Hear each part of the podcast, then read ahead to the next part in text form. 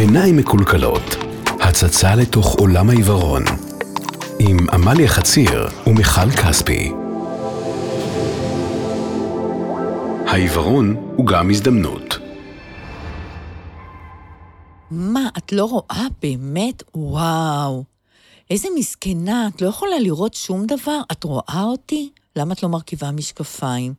יואו, וואו, וואו, וואו, אני לא הייתי יכול לחיות עם זה. אם אני הייתי מקבלת עשרה שקלים על כל משפט כזה ששמעתי, אה, חשבון הבנק שלי היה הרבה הרבה הרבה יותר מנופח. היי, אני עמליה חציר, ואני שמחה שאתם הצטרפתם אלינו לפרק נוסף שקשור לעיוורון ולשיחה על העיוורון. ואני רוצה לומר שעיוורון זה גם התחלה של דרך אחרת, דרך חדשה, ויש בה הרבה מאוד בחירה. ונמצאת איתנו כאן מיכל כספי. היי, עמליה, איזה כיף שהזמנת אותי שוב. היי, מיכל. אז על מה אנחנו מדברות היום? אני רוצה לדבר על זה שלהיות עיוור זה בעצם להתחיל דרך. לפחות לאדם שהיה פעם אדם רואה ועכשיו הוא עיוור, ובכלל זה צורת חיים, סגנון חיים, וזו בחירה איך לנהל את זה, מה לעשות עם זה, וזה הרבה פחות נורא ממה שאנשים חושבים או מדמיינים. אז אני רוצה שתספרי לי, כי אנחנו בפרק הקודם דיברנו על זה ש... אה, כל תחילת חייך, מרבית חייך, בעצם ראית ואיבדת את הראייה כשכבר היית אה, אישה בוגרת. אז מה הדבר הכי חשוב שמאבדים? זה יישמע מוזר לאנשים, אבל הדבר שהכי עצוב לי שאיבדתי זה את המהירות. מה זה אומר? אני עושה הכל לאט, זה נורא מבאס. אה, אני הולכת לאט, למרות שעכשיו זה משהו השתנה, כי יש לי כלב, אבל זה ללכת לאט ובזהירות, ולבשל לאט, ולנקות לאט כדי לא להחליק. הכל לאט, והדבר הנוסף זה הספונטניות. אין ספונטניות, זה החלק היותר מבאס. טוב, אבל זו שגרת חיים, כולנו איבדנו את הספונטניות שלנו באיזשהו אופן. באורח החיים המטורף שכולנו חיים כאן. כן, אבל אם בא לך לרדת לקנות פלאפל, את mm-hmm. יכולה. אני צריכה לתכנן מי בא, מי הולך, מי מביא, לתכנן איך. לתכנן מראש. הכל מראש, הכל מתוכנן מראש בחלקים האלה, אבל דווקא בגלל זה מצאתי לי את הדרכים האחרות לפתוח את המעגלים ולאפשר לעצמי התנסויות חדשות או דרכים. שהם? אה, אני אתחיל רגע באמירה, אה, כשפגשתי עובדת סוציאלית, היא אמרה לי, תראי, תהליך השיקום שלך יהיה ארוך, אבל בקצה, כשאת תשתקמי, תהיה לך עבודה מסודרת, עבודה קבועה שמתאימה לאדם עיוור, עם מסלולים קבועים, את תדעי לאן את הולכת, מתי את חוזרת, וככל שהמשיכה לדבר, אני הרגשתי שהזקנה קופצת עליי שנה ועוד שנה ועוד עשרים ועוד חמישים ועוד, והגעתי ככה למאה חמישים, ואמרתי, זה לא מה שאני רוצה. זה לא מה שאני רוצה, קיבינימט, איבדתי משהו כל כך חשוב, מה אכפת לי? די. אז התפטרתי. Hmm, זה מעניין.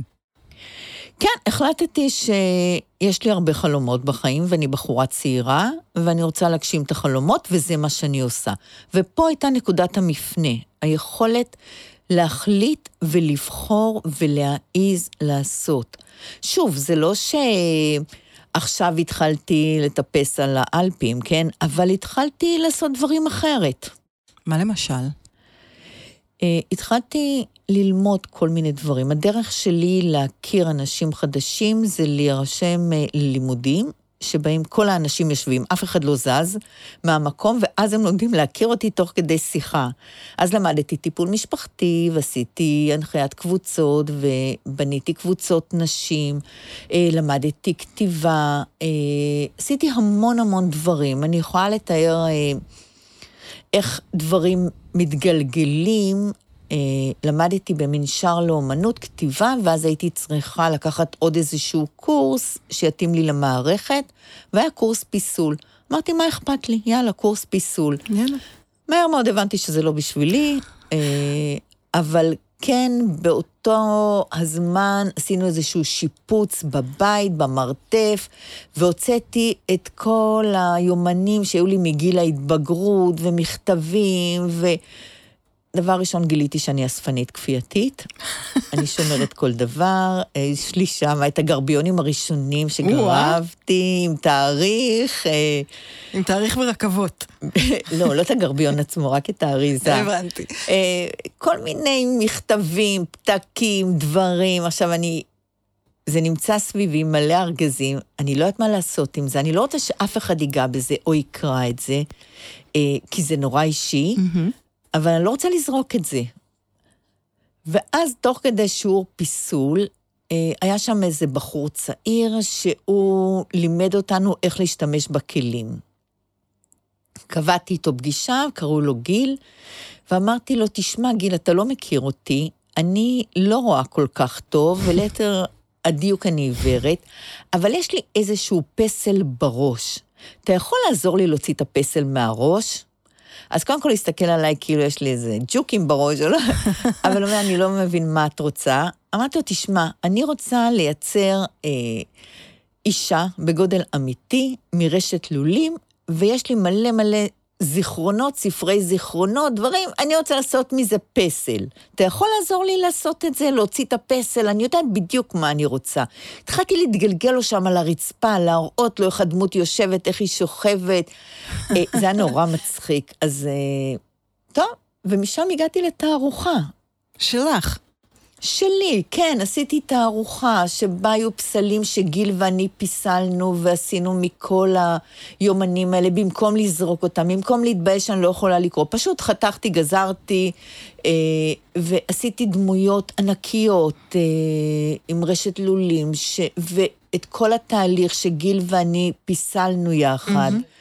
אה, תיעדנו בצילום. אה, עשיתי מין סרט קצר אה, על התהליך, מין וואו. סרט שהוא וידאו ארט, אה, שמראה מה זה העיוורון ואיך זה, ואיך זה לא לראות, ומה זה אומר, ומה זה אומר אה, חלקים גלויים, חלקים נסתרים. בעצם עשית תערוכה מהזיכרונות שהיה לך כל כך חשוב לשמור. נכון, זה חלק, כאילו חלק חשפתי וחלק היה מכוסה, אבל לא רק מזה.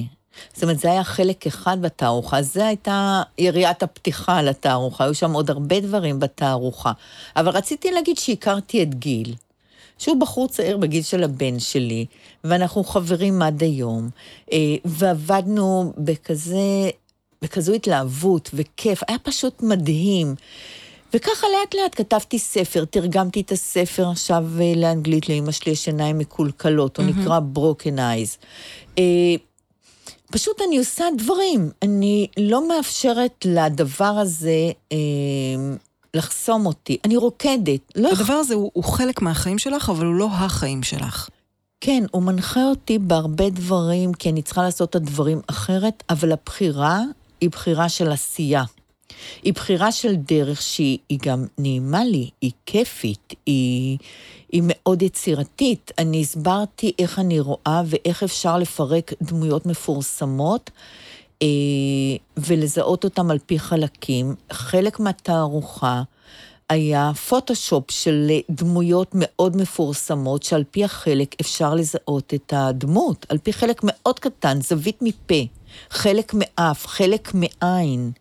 Mm-hmm. אוזן, צוואר, אפשר לזהות את האדם, אנשים עומדים ומזהים את הדמויות, זה היה חלק מהתערוכה הזאת. אה, אבל כל הזמן, לאורך כל הדרך, לא נתתי לזה לעצור אותי. אה, אני חושבת שהדימוי הכי טוב לדבר הזה זה להגיד, אני רוקדת את החיים, אני נמצאת בקבוצה mm-hmm. של נשים, שזה נקרא Life Dance. ויש מורה שמדגימה מה לעשות, ואני עושה מה שאני רוצה, ואני פשוט נהנית ואני רוקדת כאילו אין מחר. רוקדת כאילו אף אחד לא רואה אותך. כאילו אני לא רואה כאילו אותי. כאילו את לא רואה אף אחד. אני לא רואה אף אחד, ואני גם לא רואה אותי. נשים באות אליי ואומרות לי, איזה כיף לך, אנחנו כל הזמן עסוקות במראה, למרות שזה נכון. רק נשים. איך אנחנו לבושות, ואם התנועה הזאת מתאימה, ואם עשינו את זה במדויק, ואם... ואת פשוט מחייכת כל הזמן, את רוקדת ואת נהנית ואת רוקדת נורא יפה. אף אחד לא אמר לי קודם שאני רוקדת יפה, אני לא חושבת שרקדתי לפני כן יפה.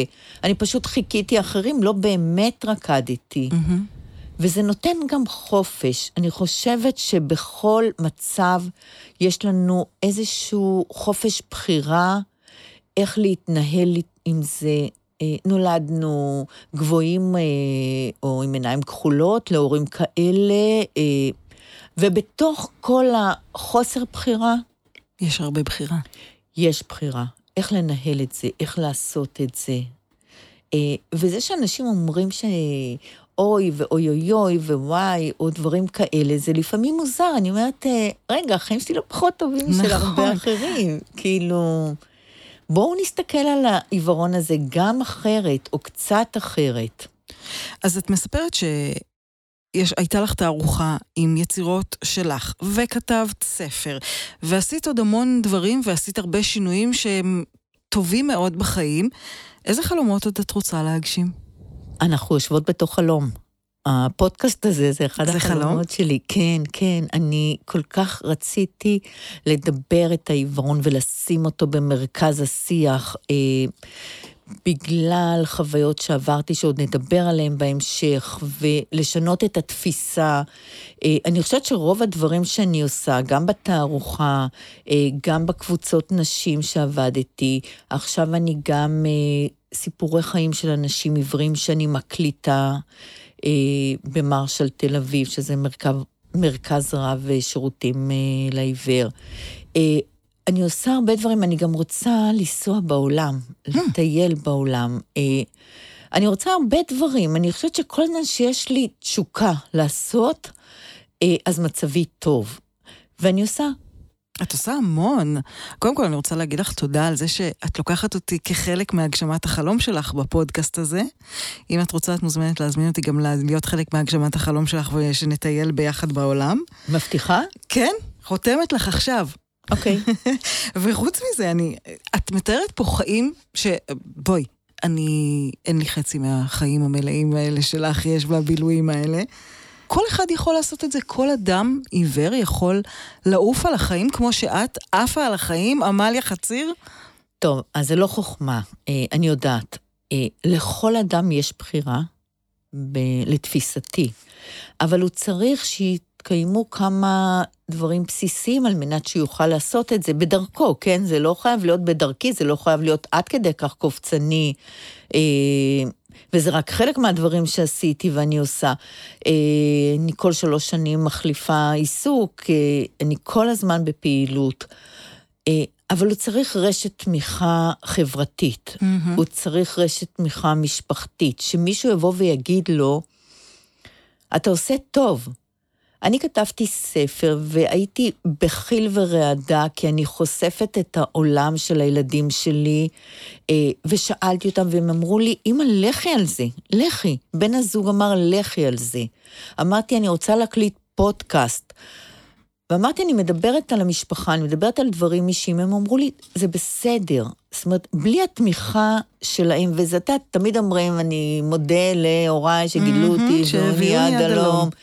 זה לא כזה, זה באמת להגיד, את עושה משהו חשוב, אנחנו אחרייך, זה בסדר, מה שאת עושה זה מעניין.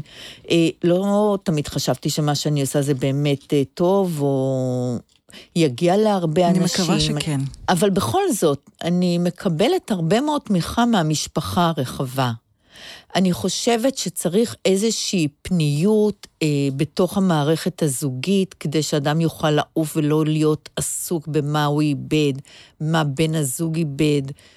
יש הרבה פרמטרים שצריכים אה, לשבת אה, מספיק טוב בתהליך הזה של הבחירות שלנו. וזה נכון לאו דווקא רק לעיוורון, זה נכון לכל דבר שאנחנו עושים בחיים mm-hmm. או מעיזים.